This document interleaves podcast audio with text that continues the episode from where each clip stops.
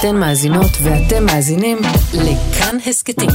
כאן הסכתים, הפודקאסטים של תאגיד השידור הישראלי.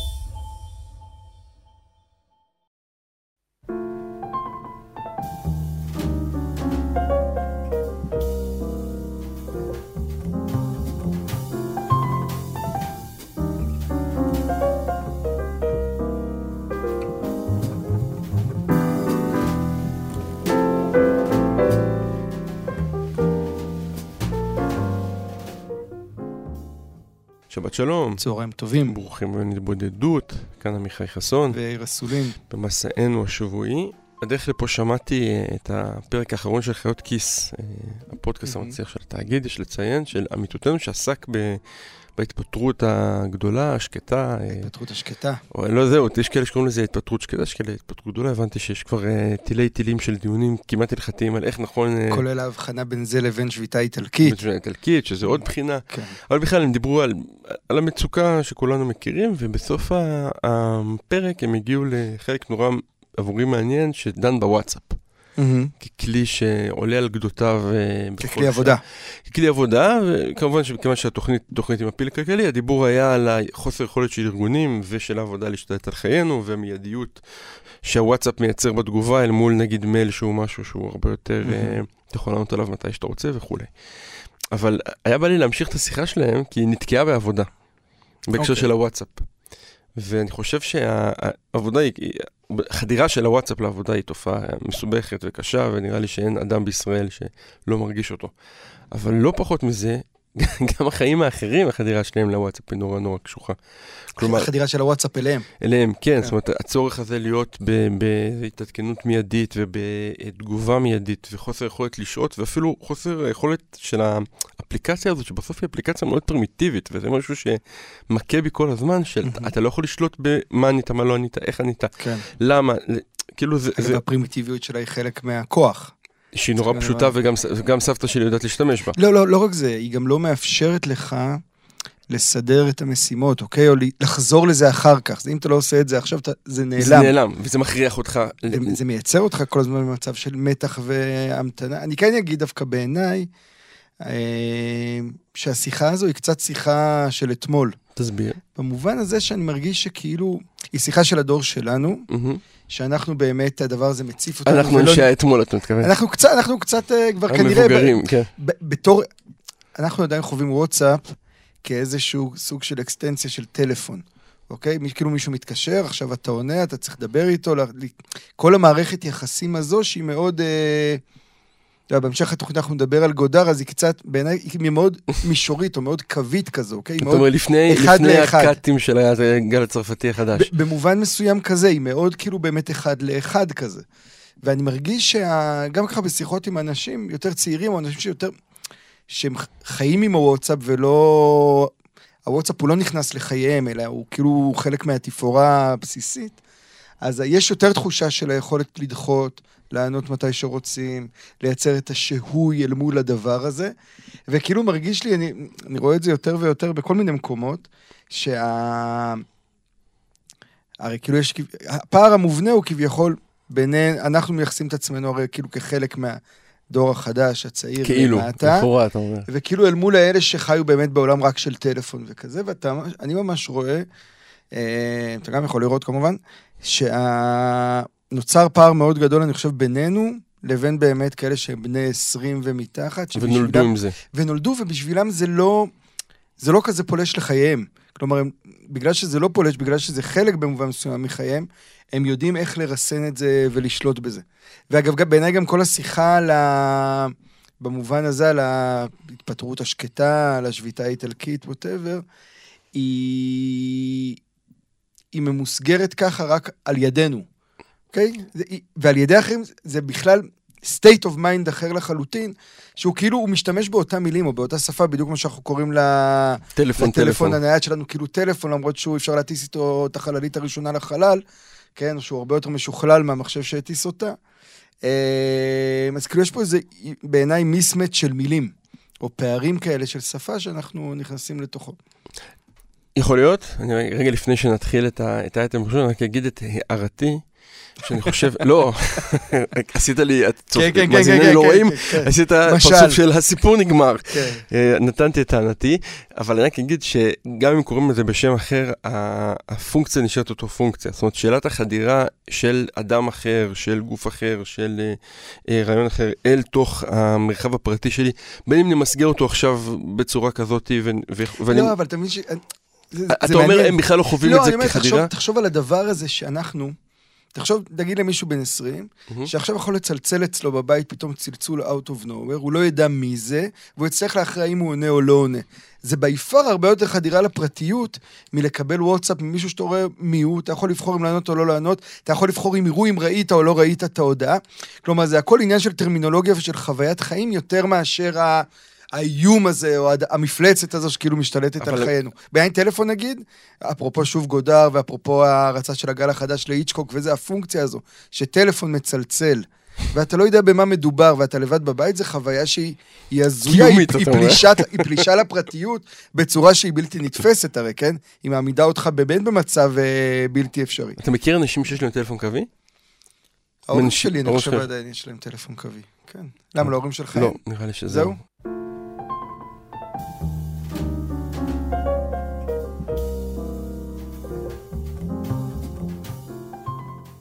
נושא אחד שהתעלמנו ממנו באדיקות, ונדמה שלא רק אנחנו, אלא באופן כללי אה, תשעה מיליון אזרחי ישראל מתעלמים ממנו באדיקות מרשימה. נקרא בחירות, אה, זה יהיה ב-2000, זה זה עדיין יהיה ב-2022, 22, נכון? כן. אני לא, זה לא, כן. לא קופצים פתאום ל-23, לא, לא, בחירות 22. אבל אה, מה שמכונה הבחירות החמישיות, במסע שאיננו נגמר, אה, ונראה לי בהבנה של כל מי שחי פה, שככל הנראה, איך אמר קהלת, דור הולך ודור בא והארץ לעולם עומדת. כמו השורה היפה של יסמין מועלם, אתה מכיר את זה? כמו סיגריה בלי מצית, בחירות בפעם השלישית. יפה, אה, זו כן. שורה יפה. כן, בקיצור, לא, כי גם ההתעלמות שלנו היא לא התעלמות ב... בכ- אנחנו לא מתאמצים כדי להתעלם, לא, אלא לא, זה פשוט אנחנו משעמם. עקרונית מתאמצים כדי לדבר, רק לא מצליחים למצוא על מה. ממש ככה. אבל אני רוצה איכשהו כן להגיע טיפה לבחירות או, או לסיפור הפוליטי דרך אה, סרט נורא מוזר שראיתי השבוע, אני לא יודע אם יצא לך. אה, הוא נקרא היועץ, עשה אותו אה, אדם שהיה קרוב, ממש שהיה קרוב לארתור פינקלשטיין. מפיק אה, סרטיו במזרח התיכון. במזרח התיכון, כן. אה, וזה זה שודר בהוט אה, שמונה. תגיד כמה מילים על ארתור פינקלשטיין. ארתור פינקלשטיין, אה, אני חושב, הוא המיתוס הכי גדול של עולם יועצי התקשורת בישראל, אולי מי שבעצם המציא, את- לא חושב שהיה לפניו איזה מישהו אה, שככה נשא בתואר, ומאחורי המונח הזה יועץ תקשורת במילון, יש בדרך כלל אדם כמו ארתור פינקלשטיין, הוא בא מאמריקה, הוא הריץ שם אה, כנראה עשרות, אולי אפילו מאות מועמדים, רובם שמרנים או רפובליקנים.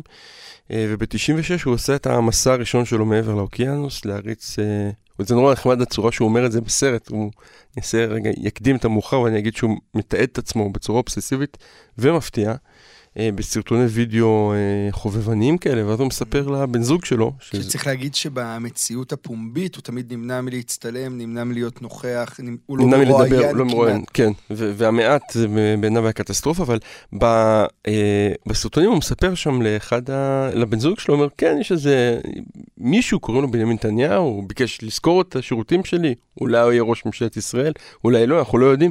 כאילו, אתה רואה את הרגע הזה, כשהוא חוזר שם אה, לאחוזה שלו, אה, איך הוא חווה את זה הזמין אותו רגע. לאיזה גיג איזוטרי. במזרח התיכון. אבל הגיג היסטורי במזרח התיכון מסתבר כן היה משמעותי, בטח אה, לכאורה במיתולוגיה הישראלית, הרגע, אותם סרטוני פרס יחלק את ירושלים, והאחוז החסר, והמיתוס הזה שהוא נוסע יומיים לפני הבחירות ואומר, אתם תנצחו באחוז, אל תדאגו. ומפה יש מערכת יחסים. והפרדיגמה שהוא מציע לכל החברה הישראלית מפה והלאה של החלוקה בין יהודים כן, לישראלים. מה אתה יותר, יהודי או ישראלי? ישראלי. אה, לגמרי, שזה אגב בדיוק כמו שמרן וליברל מבחינתו בארצות הברית, זאת אומרת, זה מין התאמה לה- להגיד, אנחנו שוב פעם בסמנטיקה, בהמשך לאייטם הקודם, כן. זה לא שאלה של דמוקרטים או רפובליקנים או ימנים או שמאלנים, זה יהודים מול, וישראלים או אה, אה, ליברלים מול שרמנים. שזה מדהים אגב, איך באמת בן אדם שמג... אני חושב שהוא תפס משהו באמת עמוק, מאוד יסודי ב... בהונאה העצמית של הפרויקט הישראלי, כלומר, הוא פשוט ראה איזה שכבה בתור מי שבא מבחוץ, שאף אחד לא התייחס אליה עד אז, שהיא השכבה היהודית כביכול. אז זה מה שמעניין. שהסרט בעצם אומר מה הוא ראה, הוא ראה מספרים. ברור. לא, במובן הכי פשוט, כלומר, הפער הוא לא, לא מדובר פה. במובן סוציולוגי, או- כן. אלא במישהו שפשוט מסתכל על... הם אמרו שם שההבדל בין, אה, בינו לבין אנשים אחרים היה שכשהזמנת סקר מאחרים זה היה 20 דפים ואצלו זה היה 1,000. אה, ורמת הפילוח ממילא של 1,000 נתונים ויכולת לזהות בהם בדיוק את הסנטימנט הזה. אבל כל זה הוא בעצם סוגריים לפער אולי הכי משמעותי, פער שהוא כאילו דבר שהיה ידוע, ואיכשהו הסרט מנסה אה, להסתכל עליו במבט אחר ולא מצליח, ועל זה אני בעצם רוצה לדבר. בחיים הפרטיים של אוטו פיקנשטיין היה אה, גיי, שהיה בזוגיות של 52 שנים, שזה כבר, לא יודע, כן. אה, דבר מרשים, עם אה, בחור שנראה אגב בחור, בחור. איש אה, שנראה, אלם. אלם, שנראה מאוד מאוד נחמד. אה, יש להם אפילו שתי בנות, בת אחת שבעצם סוג של נמצאו מהעוזרת הפורטריקאית שלהם, ובת שנייה שהיא ככל הנראה ילדת הפונדקאות הגייז הראשונה בארצות הברית, או לפחות מהראשונות. אמ, והסרט כאילו אמ, מאוד מאוד חושף את הצד הזה, מאוד מאוד מראה, וכאילו מנסה אה, לפתור את הפער בין העובדה שאדם עבד אה, בשירותם של גדולי ההומופובים, אה, אנשים שבפועל אה, יצאו קידמו חקיקה נגדו. כן, ממש נגדו ונגד החיים ה- ה- אה, הפרטיים שלו, אל, אל מול באמת אה, העובדה שהוא חי חיים שכאלה. והרגע המשבר מבחינת הסרט, הרגע שכאילו אה, אתה רואה את פינגלשטיין מתעצבן ומחולל, הוא הרגע שבו חושפים את זה. כן. ומה שהכי מטריד אותו זה שיכול להיות שיש אנשים שלא ירצו לעבוד איתו, אחרי שהם יגלו את האינפורמציה. עכשיו, בדיעבד אפשר להגיד, זה לא הפריע לאף הומופוב לא לקחת אותו, כיוון שזה לא משנה. הטיעון, הטיעון בסופו של דבר היה טיעון מאוד מאוד מקצועי. אבל זה גרם לי להמון מחשבות, אה, דווקא באזורים שלנו, על הדיבור הזה של מקצוענות אה, ב- בתחום ה... Mm. ש, שמשפיע על החיים. אני לא, יש מקצוענות שהיא מקצוענות, השרברב הוא שרברב. ובאמת מהבחינה הזאת, אגב גם שבועת הרופאים המפורסמת ב, עומדת בדיוק על כן. הצורך הזה, על איזושהי מקצועיות סטרילית שמבקשת. לא, עורכ- עורכי דין מסתובבים סביב נכון, המקום. נכון. שכאילו, אבל יש איזה אה, אה, מתחמים מסוימים בחיים, ואני חושב שפוליטיקה בסוף היא אחת מהם, שהצורך הזה, להתפ... הזיקיות האלה שעוברות כל הזמן, מלייצג צדדים שונים ואנשים שונים, אנחנו, בוא נגיד, האירוע הכי משמעותי במערכת הבחירות עד עכשיו היה בדיוק איש כזה. ש... כן. אה, שזה מדהים, הכל, הכל כאילו נראה, מפלגות התפ- התפטרו, התחלו, כל מיני דברים, אבל הכותרת הכי משמעותית שהייתה עד עכשיו, שהיה יועץ אחד ששכרו אותו ואחרי זה פיטרו אותו. זה כאילו... אה, התפטר. הת, התפוטר, כן, מה כן. שנקרא, אחרי, אה, אחרי שמישהו לא בא לו בטוב בעין. וה... אתה יודע, כשרואים את הסרט הזה, קופץ נורא חזק המחזה של אה, טוני קושנר, אה, מלאכים באמריקה. על רועי על כהן בין כהן, היתר. כן, על הדמות הזאת של רועי כהן, גם אה, משפטן, יועץ של ניסים רפובליקנים, במקרה שלו הוא גיי בארון לחלוטין, כלומר בניגוד לש- שגם מסרב לראות את עצמו כגיי, ומי שמקדם כל הזמן חקיקה כנגד הקהילה ממנה, ממנה הוא בא. אצל פינגלשטיין, אגב, זה אפילו עוד יותר מורכב, כי ויקטור אורבן וכל מה שקורה ב- בהונגריה, ומועמדים סמי אנטישמים אחרים, אה, הופכים את כל המערכת בינו לבין הסיפור הישראלי-יהודי הזה, ל- לפעמים פשוט להזויה. אה, לא, גם אצל רועי כהן זה היה בסופו של דבר, הוא דחף כנראה באופן שקרי את הוצאתם את, להורג של את, אה, בני הזוג, כן. רוזנברג. רוזנברג, כן. ואני חושב שמה שכאילו כל כך מעצבן בסרט, זה עצ- הסרט עצבן הסרט אותך? נורא עצבן אותי, כי הרגשתי שמנסים להגיד לי, אה, בוא תעשה את ההפרדה הזאת, יש פה סבא לנורא נחמד, אני רואה את הנכדה שלו, אני רואה את הבנות היפות שלו, וכמה הוא היה בעל טוב ואוהב לבן זוג שלו, וכמה הוא הצליח להקיף את עצמו באיזה חומה שם בעיירה הזאת, אה, היה לו מספיק כסף כדי לייצר את Mhm. הבועה ה- הענקית הזאת, וכאילו הוא אומר לי, אל תשפוט אותו עכשיו בכלים אה, של מוסר, או של אידיאולוגיה, או של אה, איזושהי עמדה שיש ברגש, אלא תשפוט אותו כמישהו, כמקצוען, הוא בא לחסל את מי שלא צריך לחסל. אבל אני כן חושב, לא סתם, ואולי יש גם בתרבויות אחרות, אני לא יודע, אבל לפחות ב... לא סתם גם רועי כהן וגם אה, ארתור פינקלשטיין, הם שניהם יהודים, אוקיי? כאילו, אני חושב שזה חלק מה... אגב, משהו- שתיהם יהודים רפובליקנים צריך לציין. שניהם- כלומר, שזו תופעה בפני עצמה. לחלוטין. שניהם יהודים רפובליקאים, אני דווקא מתמקד שנייה על האלמנט היהודי במובן הזה, שאני חושב ש... סליחה שאנחנו מנהלים אותה פה הרבה על ה... אנחנו מסתכלים הרי על, ה... על האנשים האלה מתוך הנקודת מבט שלנו הישראלית, שהיא בסוף נכנסה לתוך ההיסטוריה ובחרה לשחק את המשחק. לעומת זאת, יהודים, אה, האתוס היהודי של הרבה מאוד שנים, היה להסתכל על המשחק הזה מבחוץ. ובדיוק להיות המשפחת רוטשילד שמאמנת גם את צרפת וגם את גרמניה ב- ביחד, אה, את שני הצדדים כל הזמן. כאילו, יש משהו ב state of mind היהודי שהוא נמצא שם. אני חושב שהוא נמצא, אגב, אצל שניהם, הוא מאוד מאוד נוכח, כן? לא ביהדות המובהקת שלהם, אלא באיזושהי אאוטסיידריות מאוד מאוד עמוקה. נגיד, קודם אמרת שהוא... לכולם היו כמה דפים של מספרים, והוא לא היה המון. כן.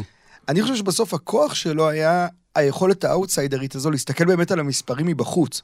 לא, בסוף לס... היכולת הזאת כמשהו קר. כאילו, אתה אומר. לא רק כמשהו קר, כמשהו שאתה לא חלק, הוא לא חלק ממך, כן, אוקיי? קר. אה, במובן הזה, אוקיי, כן. כן. לא, כי הוא לא מנוכר, אלא... לא מנוכר, יש איזו יכולת כזאת, שאני חושב שיהיו... אתה רואה את זה אצל מרקס, אוקיי? אתה רואה את זה אצל באמת דמויות יהודיות משמעותיות, להבדיל כמובן לאורך ההיסטוריה, שהיכולת הזאת להסתכל על התמונה מבחוץ, מאפשרת לך להגיע לתובנות מדהימות, אבל גם מייצרת ניכור ופערים ביחס למציאות.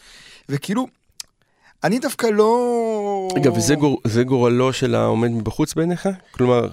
זה, זה, זה, הכוח, זה הכוח והמחיר שהוא משלם. אני יודע, יש את הספר אה, הנהדר של אה, יאיר מינסקר, פרופסור מפרינסטון, שכתב על היהודי זיס, אוקיי? שהוא בדיוק מתאר את ה-state of mind הזה, כן? של הדמות הזאת שהיא גם אתוס, אבל היא גם, היא גם מיתוס, והיא גם האדם הזה עצמו, והיא גם איזשהו סיפור שנופח ועוות והכל, אבל עם איזשהו שורש, עם איזשהו שורש של תודעה שכן, שנמצאת מבחוץ, שאתה משרת, וזה לא, לא המשחק שלך שאתה משחק, ואז אתה הרבה יותר... אז אתה יכול לחיות את החיים הכפולים האלה. ואז אתה יכול לחגוג, אתה יודע מה, יציאה של אנשים מהכלא כאירוע של גאולה, אוקיי? כאילו יש את העיוות, לא את העיוות, נקודת מבט הזו שווה להניח אותה ולראות אותה.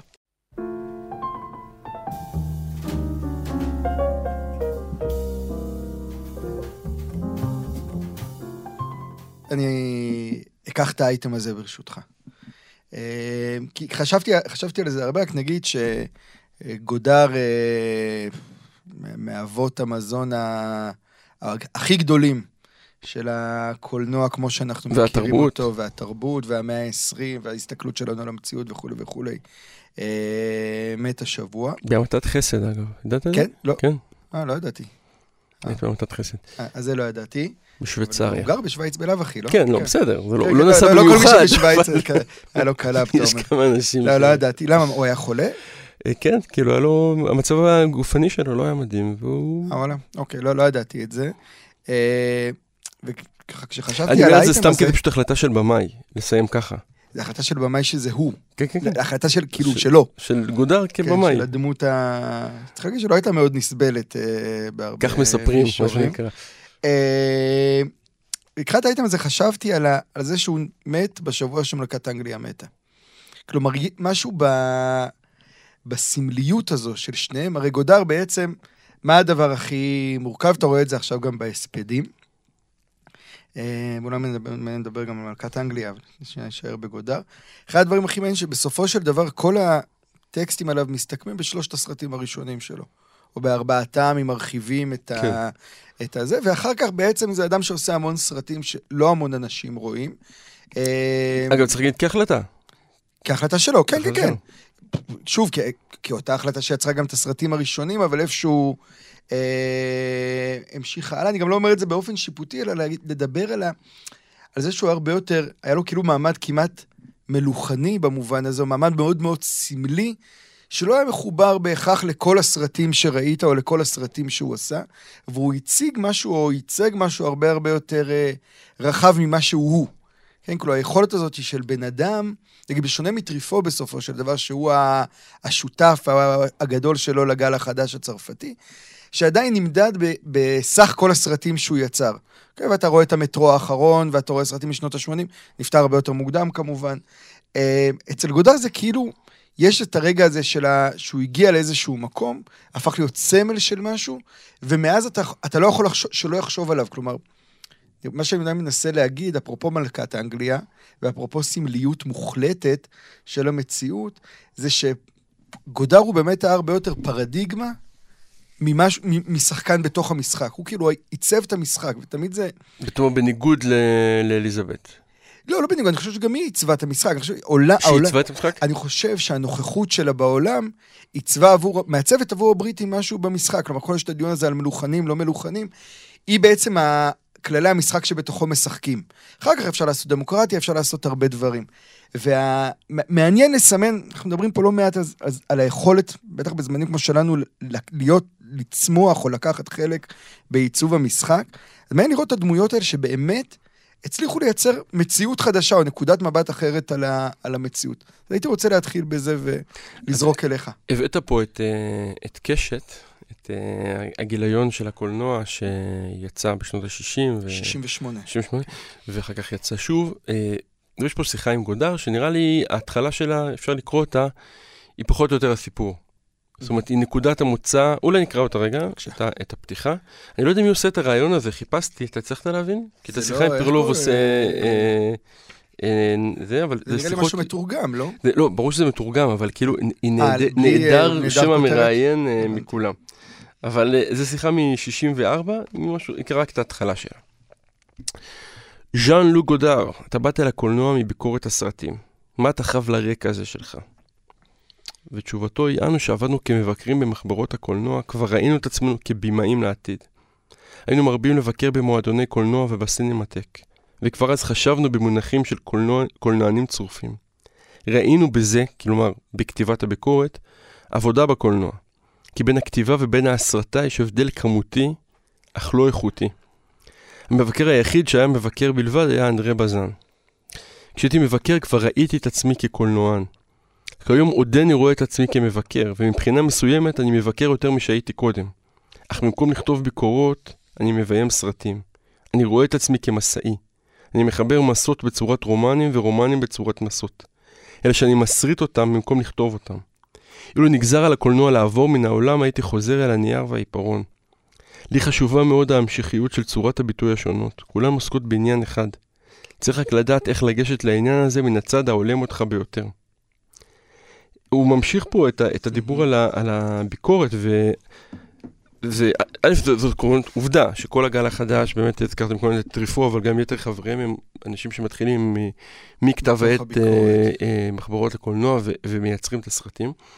אבל אני חושב שחלק גדול ממה שאפשר לו לשבור את החוקים, וזה משהו שאני חושב שהיום באמת נעדר באופן מוחלט כמעט מאומנות, ולא רק מקולנוע, היא דווקא נקודת המוצא של להיות קודם האיש שכותב על.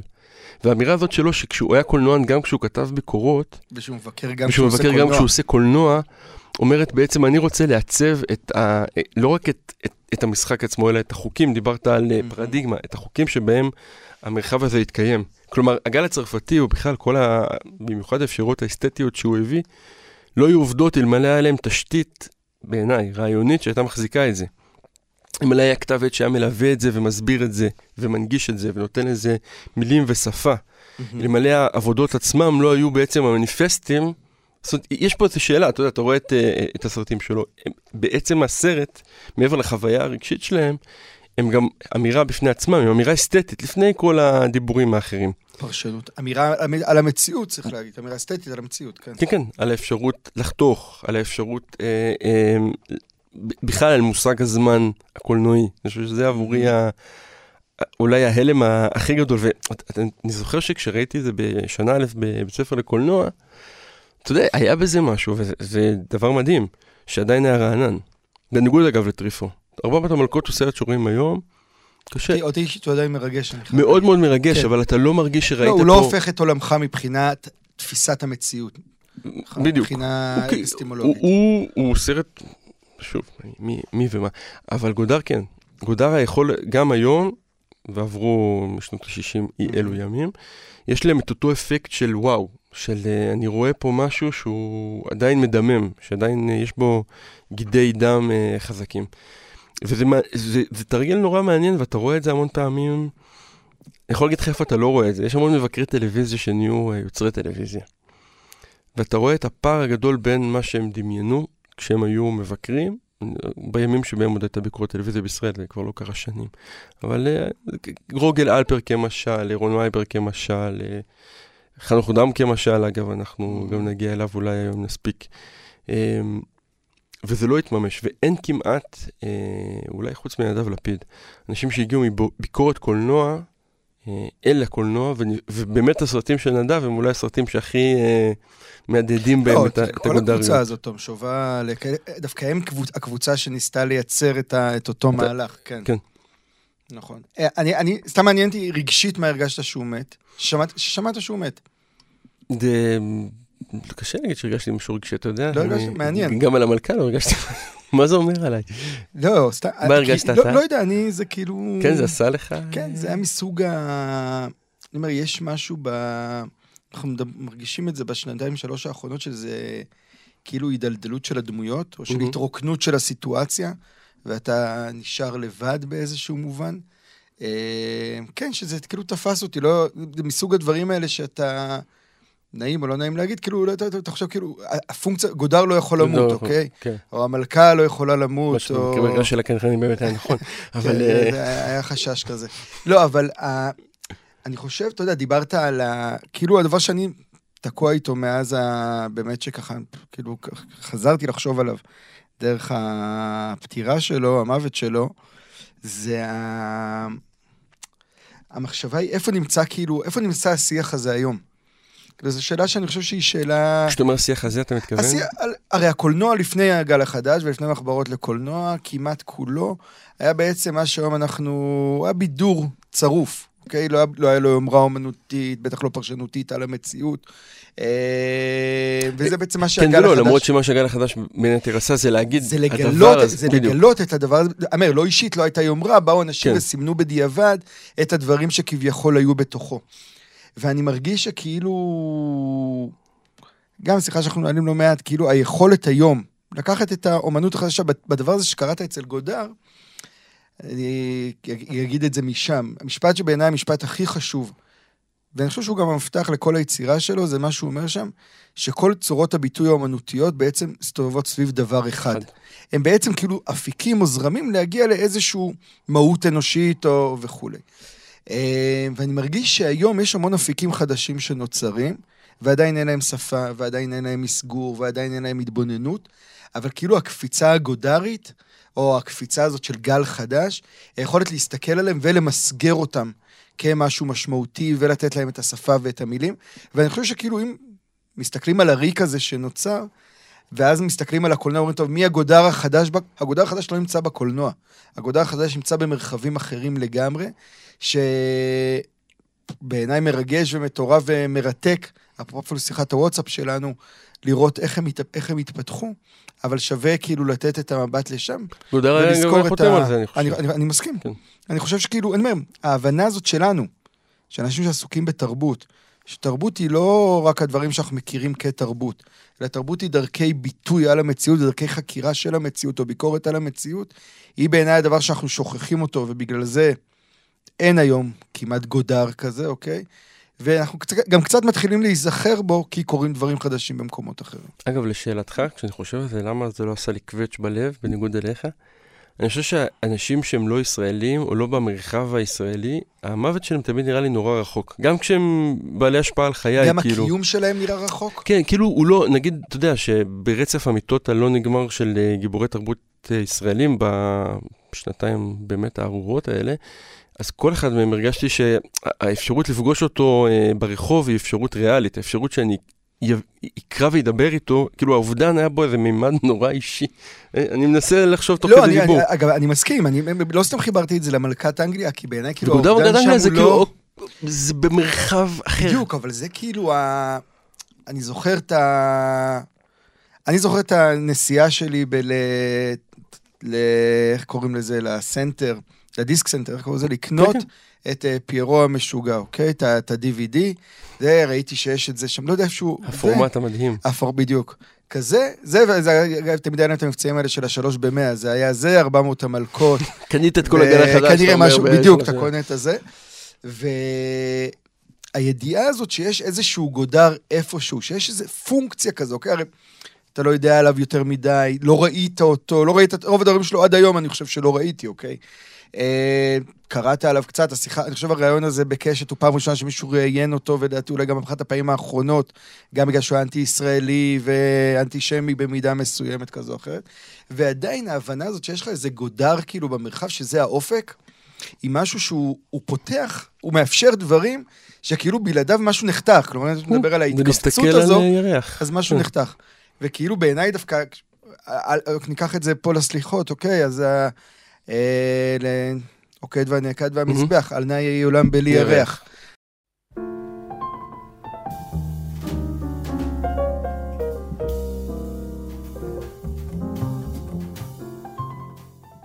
אנחנו ממש בסיום, ורציתי כן להתייחס למשהו שהסעיר, אה, אפרופו ביטויי הסעיר? תרבות ו... הסעיר זה ה understatement הכי גדול של המאה. הסעיר ו... ריג... אגב, ריגש והוציא מהמון אנשים המון דברים מעניינים, ואני מדבר על הקלטת, אה, הסיר, קלטת. קלטת! יפה, זה אתה עוד קסטה. ב-DVD של ה... קסטה, כן, כן, בדיוק, אני בדיסק סנטר עדיין. על הסרטון אה, חתונה. חתונה, עם עומר אדם. ו- עם עומר אדם והכלה שם ש... יש לה שם אגב? אה, כן, אני חושב משהו בן אסולין, אני חושב אה, שהמשפחה שלה, משהו כזה, לדעתי. אבל לא זוכר את השם הפרטי. אוקיי. וגם לא הבנתי את הצירוף הזה של הבן אסולין, אבל לא יודע. ורציתי רק להתייחס למשהו אחד שקרה שם, שאותי הוא תפס חזק. בעיניי, ברור שזו חתונה שלה והיא יכולה לעשות כל מה שהיא רוצה, וכל השיח הוא שיח די אה, לא מעניין בפני עצמו. אבל יצאו המון המון אנשים שכאילו מתוך רצון לתקוף את הגזענות של אלה שביקרו אותה, ומתוך רצון כאילו להידמות uh, כמגיני המזרחיות, וכאלה, כנאורים, הנאורים החדשים או כאלה. Uh, בעיניי עשו מעשה שהוא בעיניי גזענות צרופה לגמרי. כי מה שהם עשו, הם הסבירו שסרטון החתונה הזה, במובן מסוים כזה או אחר, כן, זו המזרחיות, אוקיי? ושאסור לי... האותנטית. זו המזרחיות האותנטית, אלה הדברים, בדיוק כמו שכשאמסלם צועק בכנסת, זו המזרחיות האותנטית, ובעצם עשו רדוקציה, אתה יודע, סבתא שלי לא עושה את זה, אוקיי? וגם לא... גם לא סבתא שלי. זה גם, זה גם לא העולמות, ה, לא העולמות שלנו, לא כי זה טוב או רע, כי זה פשוט לא, כי זה הרבה יותר מורכב, כי זהויות הן הרבה יותר מורכבות. והרצון הזה כאילו בשם ה... ה כאילו אנטי גזענות. האנטי-גזענות, כאילו בשם הביקורת, אגב, גם על הגזענים, שהם בדרך כלל שמאלנים וכולי וכולי וכזה. אני חושב שנוצר איזה ממש ז'אנר חדש כזה של אה, גזענות מוסווית, שפשוט יוצאת כל פעם בטקסטים האלה. וצריך לסמן את זה, כי הגזענות הזו, היא בעיניי, לא רק שהיא לא פחותה, היא אפילו יותר חמורה. בעייתית ומורכבת, מאנשים שפשוט יודעים להסתכל על המורכבות ולאפיין, ולא מיד לעשות רדוקציה לספרדים אשכנזים בהקשר הזה, אה, ולזהויות. אז מרקר על הדבר מאוד הזה. מסכים איתך.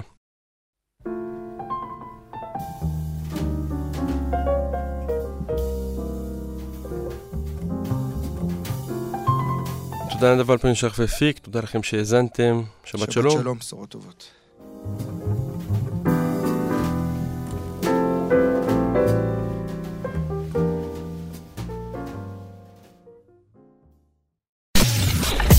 אתן מאזינות ואתם מאזינים לכאן הסכתים.